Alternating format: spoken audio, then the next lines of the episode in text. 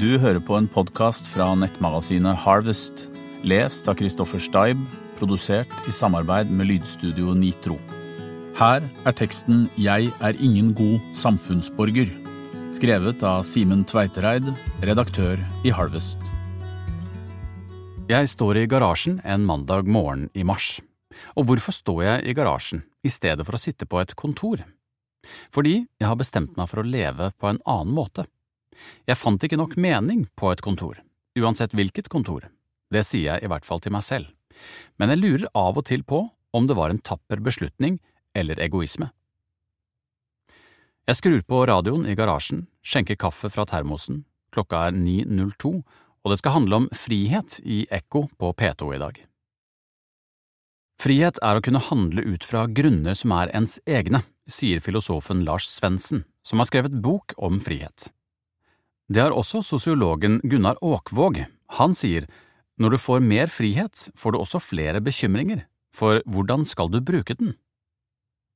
Vi har aldri vært friere, men hvordan skal vi leve? Det er selve spørsmålet.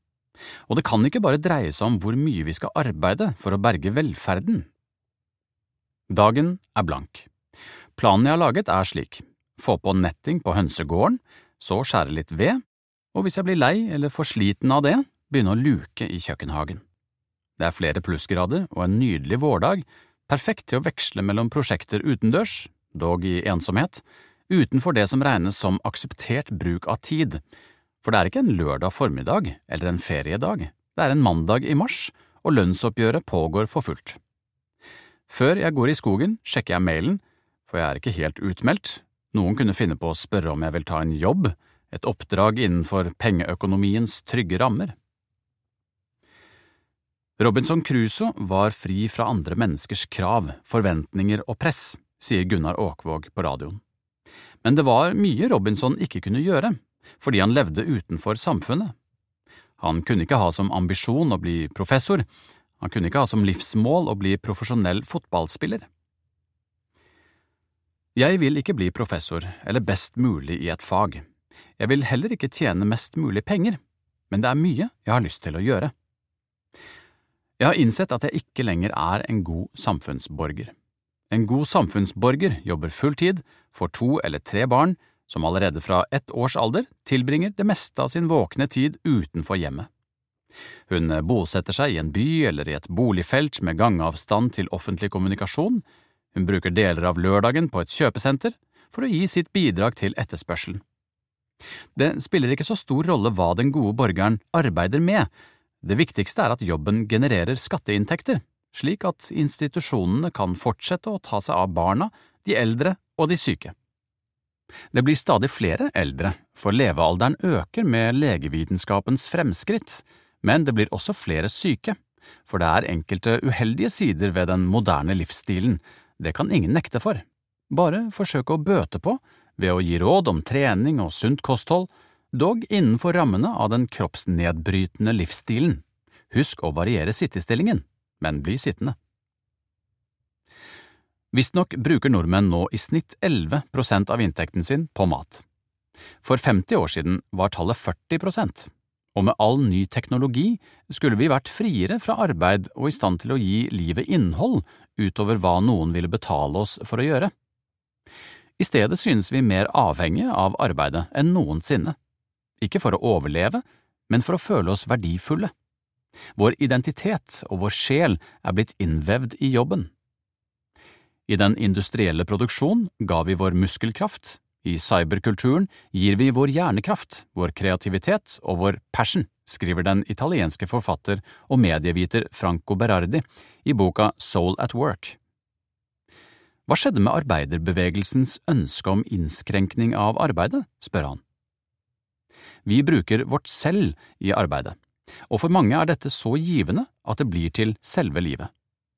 Uten at noen ber oss om det, forlenger vi gjerne arbeidstiden utover kvelden ved å sjekke mailer, få ting unna, forberede oss bedre, for i moderne arbeidsliv er det vanskelig å vite når noe er godt nok. Men lange dager foran skjermer og konstant oppmerksomhet kan gi anspente nerver. Og det er ikke sikkert at en tur på Sats eller en løpetur i skogen er nok. Franco Berardi mener at selve livet utenfor det økonomiske felt tappes for begjær og vitalitet. Menneskelige relasjoner blir fattigere. Sjelen i arbeid er vår tids form for fremmedgjøring. I fremtiden må vi jobbe mer, sier politikerne. Vi må arbeide lengre dersom velferden skal opprettholdes. Men ifølge flere undersøkelser vil et flertall av oss heller ha mer fri enn mer lønn. En velferdsstat som krever at vi skaffer oss penger vi ikke trenger, og stimulerer et miljøskadelig forbruk, er ikke lenger en velferdsstat, den er et monster. Det vi da bør diskutere, er velferdens omfang og selve begrepet velstand. Du hører på en podkast fra Harvest, et nettmagasin om natur, mennesker og miljø. Gå inn på www.harvestmagasin.no hvis du ønsker å bli abonnent. Nordmenn har høyest forbruk i Europa, reiser og flyr mest, og vi har så høyt lønnsnivå at vi knapt kan ta oss råd til å produsere noe selv, bare eksportere råvarer og importere alt vi trenger. Hvis vi skal arbeide mer og få enda flere penger i hendene, hvordan skal vi bruke pengene uten at det skader miljøet, og hva skal vi jobbe med? Vi vil trenge flere på sykehjem, ja, men alle kan ikke være pleiere. Hvor mange behov skal vi finne opp for å kunne sysselsette alle i syv, åtte eller kanskje ni timer om dagen? Skal vi sette strek ved fjernstyrte smarthus, det tolvte produktet i overgangen mellom rømme og yoghurt, eller allerede ved coaching. En finsk fabrikk sysselsetter flere hundre bare med å lage spin-off-produkter av dataspillet Angry Birds. Dette hylles som eksempel på en type innovasjon som Norge mangler. Å designe sinte fugler på kosedyr og klær, sjokolader og tannbørster. Alt som kan kalles lønnsarbeid, er per definisjon bra. Jeg er ikke en god samfunnsborger lenger. Jeg har gått i en felle, den samme fellen som kvinnene på Sørlandet fortsetter å gå i, år etter år, helt frivillig – deltidsfellen. Om man arbeider deltid for å ta seg litt mer av egne barn eller syke foreldre, for å gjøre en innsats i lokalsamfunnet, eller bare for å få litt tid for seg selv, for å bli en partner med overskudd eller et menneske i stand til å sette pris på svarttrostens sang en vårmorgen, det spiller ingen rolle. Du har gått i en økonomisk felle, ferdig med det. Du risikerer lavere pensjon, du betaler ikke nok skatt. Lønnsarbeidets opphøyde status, the soul at work, er i ferd med å tømme familien og hjemmet for oppgaver og mening. Hjemmet skal bare ta seg best mulig ut og gi hvile og underholdning til de som bor der, og som skal holde ut med hverandre som best de kan. Lønnsarbeidets status er også en drivkraft bak miljøkrisen. For godt eller viktig arbeid måles fortsatt i penger. Hver vår krever fagforbundene tre eller fire prosent mer enn i fjor til sine folk. Og i den andre enden får toppsjefene plusset på et par millioner i bonus, slik at de ender med et tosifret antall millioner i inntekt. Når ledere, som skulle være forbilder og de høyest respekterte i samfunnet, gis pengesummer som intet enkelt menneske kan gjøre seg nytte av, fremstår systemet som sykt den samme sykdommen som får oss til å vurdere å bore etter olje selv i områder med de aller rikeste naturressurser. Kontinuerlig vekst, altså at vi hvert eneste år skal produsere og få mer enn året før, leder ut i perversiteter. For den enkelte og for samfunnet, og selvfølgelig for naturen. Mange sier at bare veksten blir grønn, så kan vi fortsette som før. Men ingen vet hvordan dette skiftet skal foregå i praksis og selv om en absolutt grønn vekst var mulig, ville det neppe være løsningen. For vekstens vesen bærer problemet i seg. Men om vi skal gi opp veksten, risikerer vi å miste livsløgnen. En kollektiv meningskrise kan bryte ut. Hvis høyere lønn, økt forbruk, større hus, mer gjeld, flere reiser ikke skal være den riktige kursen, hva da? Thomas Hylland Eriksen har sagt at vi mangler en troverdig fortelling om vår tid og en visjon for fremtiden som gir mening. En fortelling som løser overopphetingens dilemma mellom vekst og bærekraft. Kanskje må vi definere velferd og velstand på nytt, for eksempel finne en annen måte å tenke om arbeid og fritid på.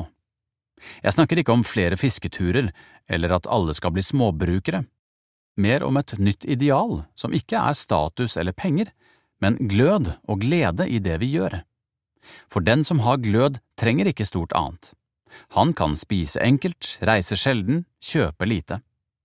Den som gjør noe som opptar ham, som er fylt av begeistring, tenker ikke på hva han skal finne på i kveld eller hvor mye penger som står på kontoen. Kanskje tenker han ikke engang på at han skal dø. Pengeøkonomien fanger ikke opp denne siden ved mennesket. Den sier at det du gjør nå skal gi økonomisk belønning en gang i fremtiden. Et mantra i vår tid er å gjøre mer av det du allerede er god til, bli enda bedre til noe du fra før behersker godt. Først etter 10 000 timer av det samme begynner du å bli skikkelig god i noe. Først da kan du bli verdensmester på ski eller Buskeruds beste i powerpoint-presentasjonen. Dette idealet er vel det motsatte av livet mitt på et småbruk, som består i å prøve seg i litt av hvert en ikke kan særlig godt, som en kanskje aldri har gjort før, men som av og til på underlig vis kan fylle en med glede.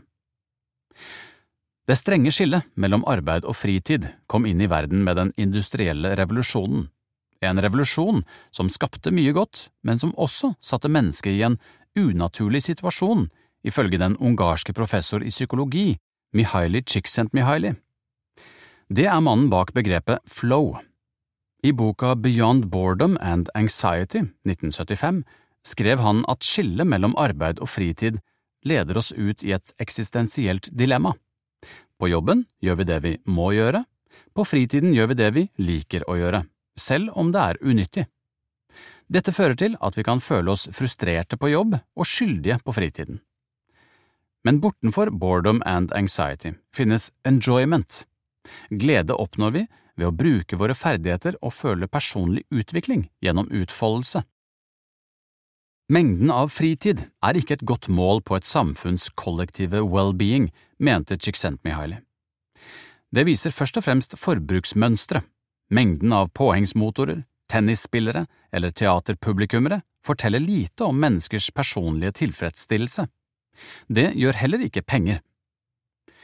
Det viktigste er våre muligheter til å føle mestring, å gjøre noe vi liker, og komme inn i tilstanden Csikszentmihalyi kaller flow. Og det kan vi oppnå både i arbeid og i lek, skriver han. Det vi først må innse, er at arbeid ikke nødvendigvis er viktigere enn lek, og at lek ikke alltid er morsommere enn arbeid. Hvis folk sjelden får kjenne denne indre gleden, vil mennesker i stedet søke mot nytelse eller arbeide hardere for å oppnå ytre belønninger, mente Csikszentmihalyi.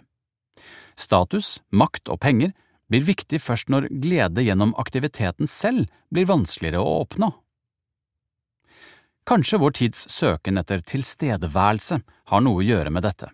Vi vil realisere oss dobbelt, med interessante jobber og morsom fritid, vi vil eie og ha en masse goder, men selvfølgelig vil vi også være gode familiemedlemmer og lykkelige mennesker.